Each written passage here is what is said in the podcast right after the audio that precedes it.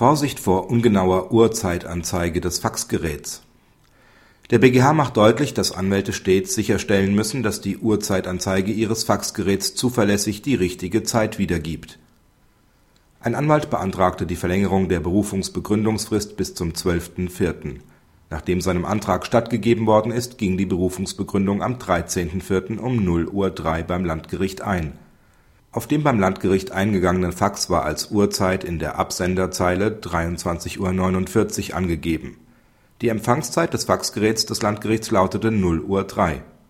Der Antrag auf Wiedereinsetzung in den vorigen Stand wurde zurückgewiesen. Auch die Rechtsbeschwerde beim BGH hatte keinen Erfolg.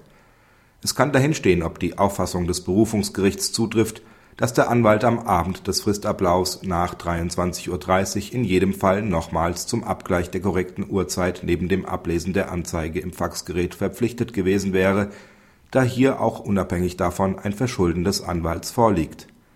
Nicht ausgeschlossen werden kann, dass die Nichteinhaltung der Frist auf einen Organisationsmangel der Kanzlei des Anwalts zurückzuführen ist. Grundsätzlich sind Anwälte verpflichtet durch eine entsprechende Organisation des Büros und die notwendigen Einzelanweisungen das Möglichste zu tun, um Fehlerquellen bei der Behandlung von Fristsachen auszuschließen. Die aufzuwendende Sorgfalt durch den Anwalt ist bei Ausschöpfung der Rechtsmittelfrist bis zum letzten Tag wegen der damit verbundenen Gefahren erhöht. Insbesondere hat der Anwalt dafür Sorge zu tragen, dass die technischen Voraussetzungen für eine Fristwahrung gegeben sind. Dies bedeutet dass der korrekten Erfassung der maßgeblichen Zeit eine besondere Bedeutung zukommt. Soll bei der Ermittlung der genauen Uhrzeit zum Zwecke der Fristwahrung ausschließlich die Anzeige des Faxgeräts ausreichend sein, muss diese Anzeige stets zuverlässig die maßgebliche Zeit wiedergeben. In jedem Fall muss sichergestellt werden, dass regelmäßig eine Überprüfung der Zeiteinstellung am Faxgerät stattfindet. In diesem Fall konnte der Anwalt nicht darlegen, dass das von ihm benutzte Gerät technisch dergestalt ausgerüstet war, selbstständig einen Abgleich mit der tatsächlichen Zeit vorzunehmen.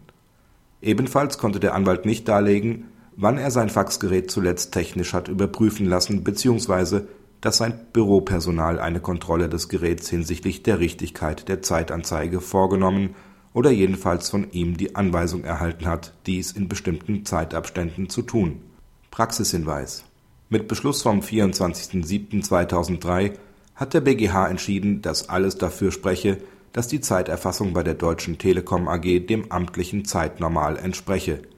Die in einem Telefax des Gerichts gespeicherte Uhrzeit sei jedenfalls nicht geeignet, die von der Deutschen Telekom AG in einem Einzelgesprächsnachweis angegebene Zeit zu erschüttern